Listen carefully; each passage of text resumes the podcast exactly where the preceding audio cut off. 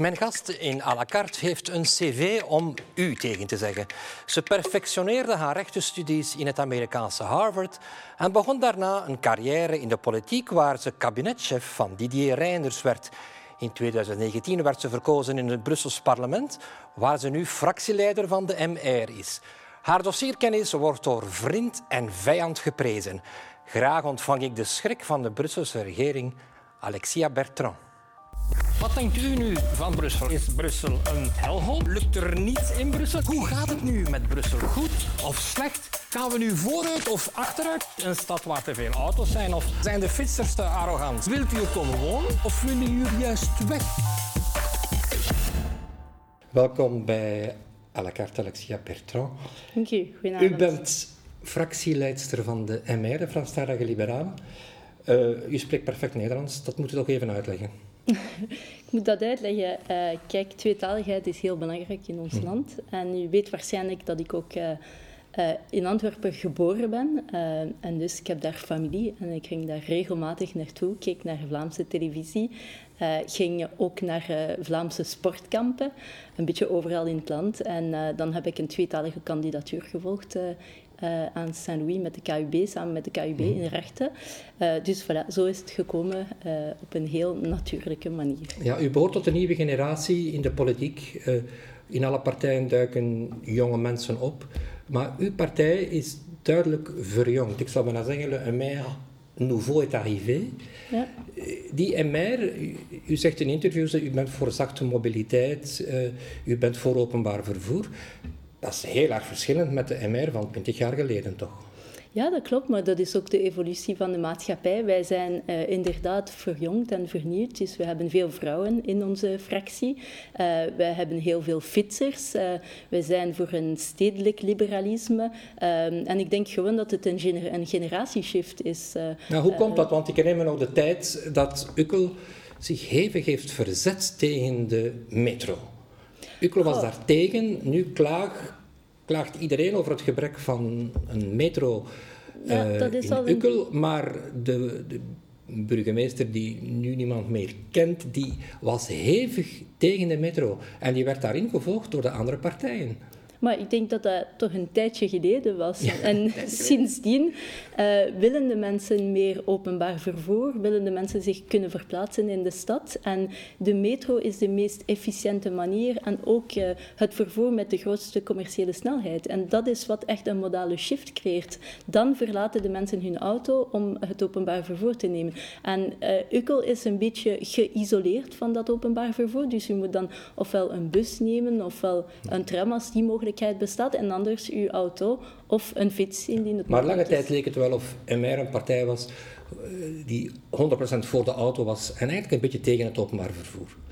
Dat zou ik misschien niet zeggen, maar ik denk dat er ook een evolutie is. Wij uh, zijn zeker voor zachte mobiliteit, zeker voor openbaar vervoer. Ik heb de indruk dat wij altijd in die richting hebben gepusht. Wij zijn voor de metro, in tegenstelling met Ecolo, eh, die uh, echt een, een, reactie tegen de metro mm. heeft, die ik nooit goed heb begrepen. Mm. wij zijn voor efficiëntie van de stad en wij beseffen dat er op termijn minder auto's in de stad moeten zijn. Dat is een evolutie, een trend. Le sens de l'histoire, zegt men. Maar dan moet u wel alternatieven aan de mensen Ja, maar u bent wel tegen een kilometerheffing.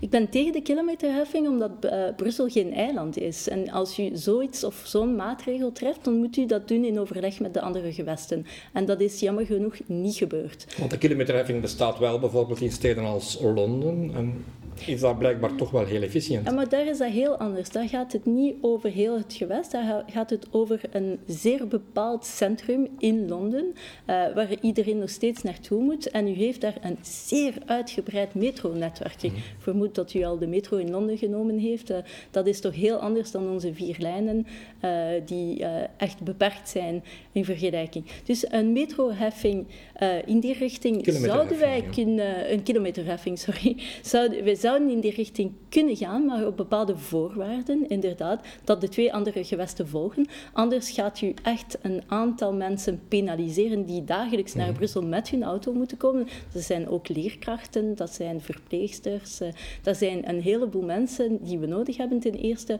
Uh, en ten tweede, voor de Brusselaars gaat dat ook uh, hun belastingen verhogen. En dat hebben wij momenteel niet nodig. De oppositie tegen de MR probeert u soms te beschuldigen dat u een beetje in een, uit een andere wereld komt. U, Welke wereld dan?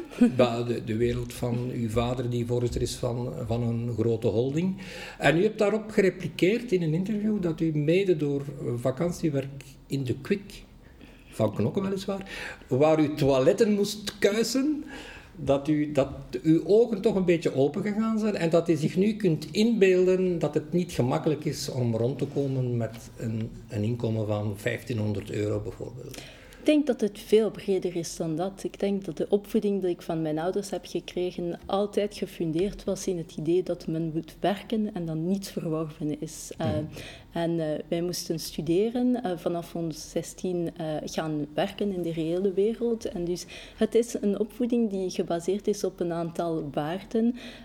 en ik hoop dat ik dat goed heb kunnen vertalen in mijn leven. Maar ik heb de indruk dus dat ik heel verankerd ben in, in, ben in de werkelijkheid en dat ik uh, uh, die werkelijkheid goed begrijp dankzij mhm. een opvoeding die echt verbonden was met wat de realiteit is. Heeft dat ook te maken met uw aandacht voor een goed financieel beheer? Want deze zender noemde u in 2019 nog een enigma, het enigma Alexia Bertrand. Een paar jaar nadien, nu bent u uh, wereldberoemd in Brussel, door, mede door een paar heel scherpe interviews die hij gedaan heeft in Le Soir, maar ook in Brus. U heeft geweldig veel aandacht en grote kennis ook van, van overheidsfinanciën. En dat is, u legt altijd de vinger op dezelfde wonden. U verwijt eigenlijk dat het Brusselse gewest op financieel vlak, en niet alleen op dat vlak, slecht beheerd wordt. Dat klopt en ik denk dat dat vandaag nog belangrijker is dan ooit, omdat uh, wij de COVID-crisis hebben bekend. Maar dit is een trend die al veel langer begonnen is. Dus dit is een trend die voor de COVID begonnen is. En wat is het probleem in Brussel? Het probleem is het feit dat de ontvangsten maar twee derde van de uitgaven dekken. En dus je begrijpt onmiddellijk dat wij dan een heel groot probleem hebben. En wat is het antwoord van de Brusselse regering? Het antwoord is constant dezelfde, hetzelfde, dat is meer schuld aangaan. Uh, dus nooit besparen, uh, nooit de cijfers op orde brengen, maar schuld maken. Maar hoe, hoe, hoe komt dat? U verwijt ook de regering een gebrek aan sense of urgency. Ja? Dat men het probleem blijft onderschatten. Nochtans, het probleem is torenhoog. Tegen 25 verwachten we dat de schulden... Uh, 11 miljard. 11 miljard schulden, daar geraken we toch nooit meer uit.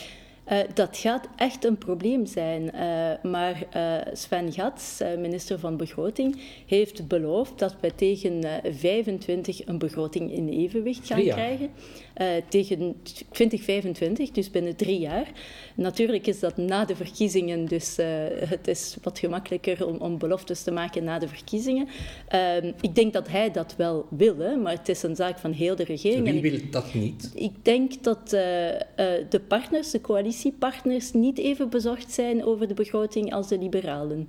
En dat is zeker een groot probleem. Nochtans hebben de liberalen, de Vlaamse liberalen dan, al heel lang het departement Financiën, er is Sven Gats nu, maar ook de, de, zijn, ja, klopt. zijn eh, voorganger heeft dat departement beheerd.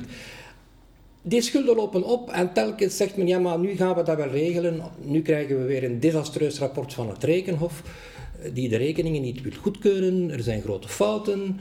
Er, er worden nieuwe instellingen gecreëerd met eh, als bedoeling dan alles duidelijker, transparanter te maken. Maar het tegendeel is waar. Uh, de, de, de, het agentschap voor de mobiliteit functioneert niet. Hoe verklaart u dat? dat men, is, is men daar Beseft men dat niet? En dat is erg. Ik denk dat men dat wel beseft. Uh, maar mijn intieme overtuiging is dat het nog veel erger zou zijn zonder Sven Gats op begroting.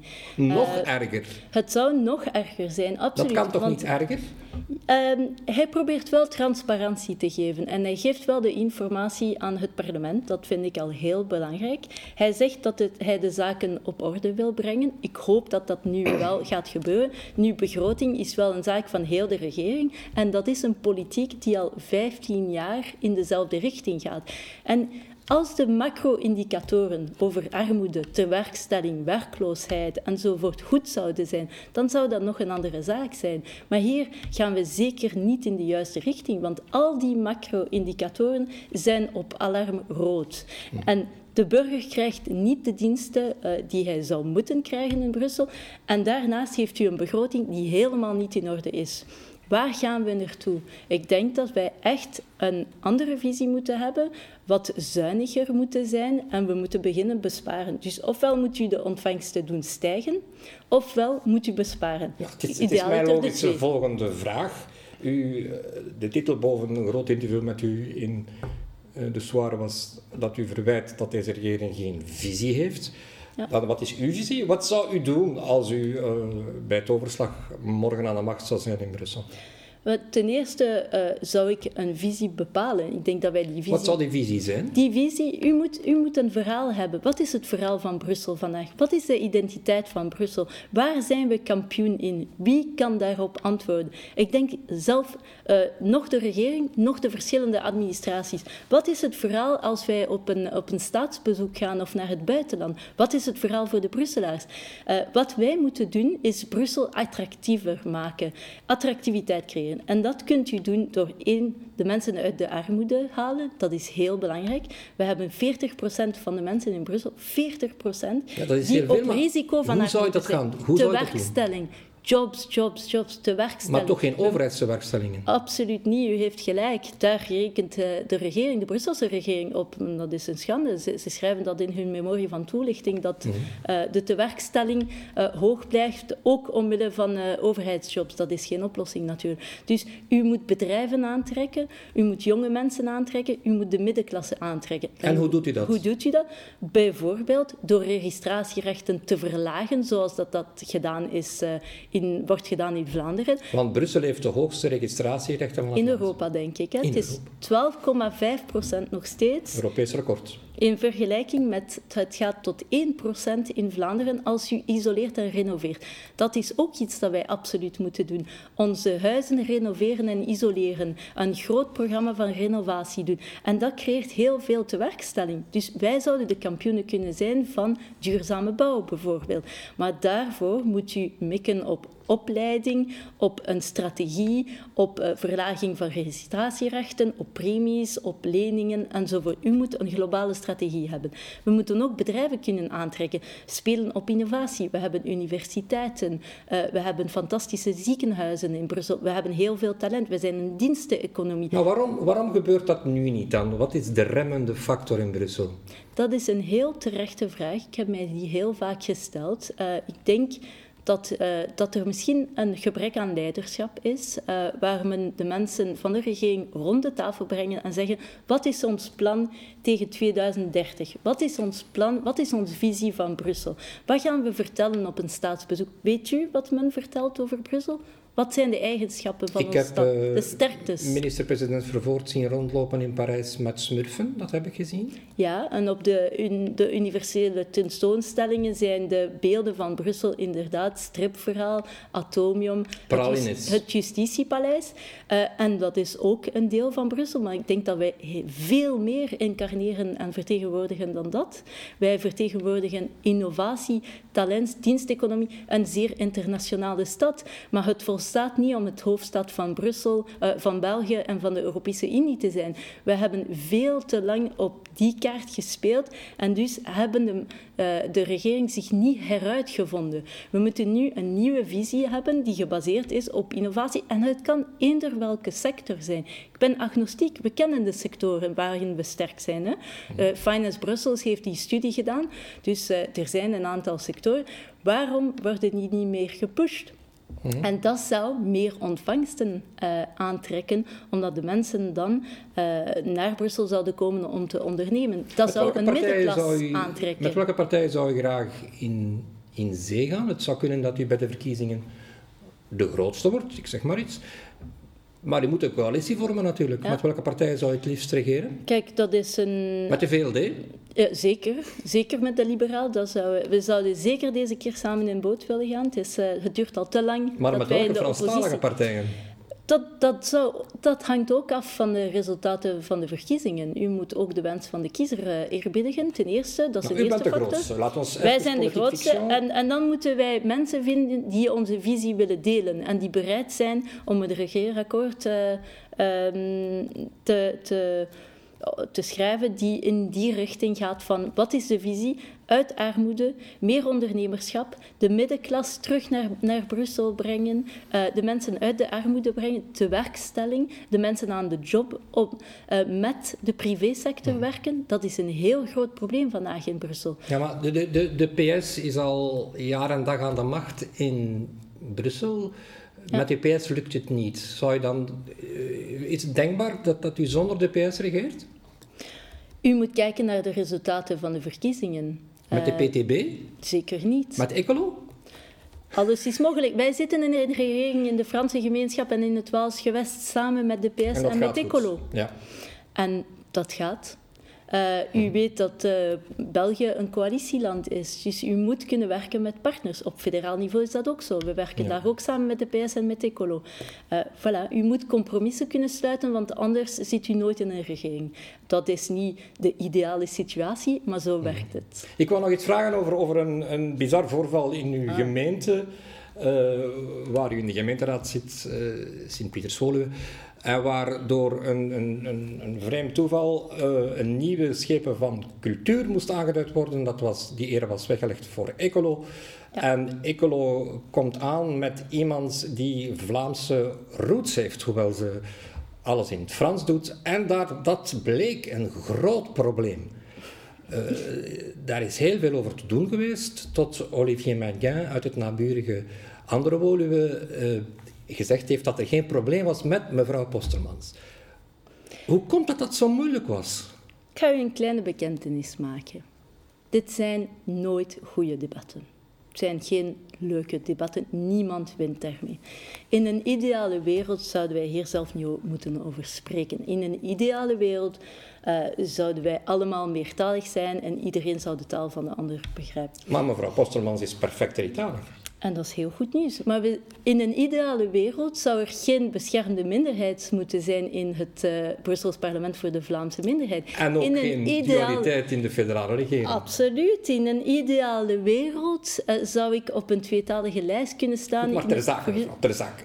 eh, op, samen op een lijst met de VLD. Ja. Maar dat is niet de wereld waarin wij leven. Maar wat was het probleem met mevrouw Postermans? Ah, wel, het probleem was heel, heel eenvoudig. Wij hebben al een Nederlandstalige schepen in onze gemeente die eh, bevoegd is voor Nederlandstalige aangelegenheden, cultuur en onderwijs. Trouwens hebben wij als MR altijd gepleit dat de Nederlandstalige schepen nog andere bevoegdheden kregen. En dat was altijd het geval in het verleden. Ik heb geen enkel probleem dat, wij de, helft van onze, dat de helft van onze schepen Nederlandstalig zijn. Dat ze zorgen voor stedenbouw, voor mobiliteit, voor eh, openbare werken. Maar voor cultuur was dat een probleem. En Omdat uw, eigen burgemeester, aan wie men vroeg, zou het een probleem zijn met iemand van bijvoorbeeld allochtone afkomst? Die zei nee, geen probleem. Wel met een Vlaming. Blijft Ja. toch vreemd, hè? Nee, en dan heb ik wel gezegd, zelf in Bruges, dat als mevrouw Postelmans kon tonen dat ze een goede kennis had van de Franstalige cultuur en van de, eh, en, en van de taal, dat dat inderdaad eh, mogelijk was. En dat zou is zou dat gevraagd geweest zijn aan iemand van Marokkaanse afkomst ook? Ehm, dat is een goede vraag. Eh, ik denk dat het belangrijk is dat de mensen toch wel affiniteit hebben met de materie. Ik denk dat het altijd beter is dat iemand die voor cultuur eh, een beetje affiniteit heeft met dat domein of met stedenbouw. In een ideale wereld zou dat zo zijn, maar we zitten niet in een ideale wereld. Eh, dus op die vraag kan ik niet antwoorden.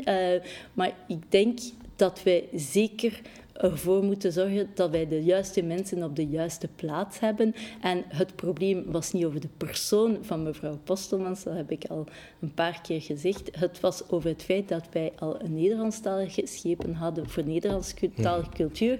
En dat het dus logisch was dat wij eerder een Franstalig hadden voor Franstalige cultuur. En ik denk dat in de omgekeerde situatie de Vlamingen hetzelfde hadden gezegd. Goed, we gaan het hier nog eens over hebben, mevrouw, voor de volgende verkiezingen. Ik wens u alvast veel succes. Dank ik dank u, u voor uw komst naar de studio. en beste kijkers, volgende week zit Melina hier. Tot dan.